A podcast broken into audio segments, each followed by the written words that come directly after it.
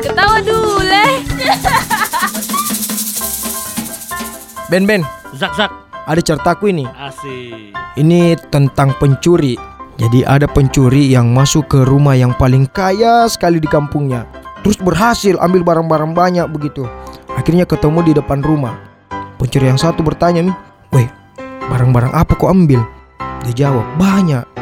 TV, laptop, emas, sama remote AC. Kau iya apa kau ambil? Dia jawab, kalau saya saya ambil sendalnya yang punya rumah. Ih bodohmu, banyaknya barang tapi sendal je kau ambil. Ih kau lebih bodoh.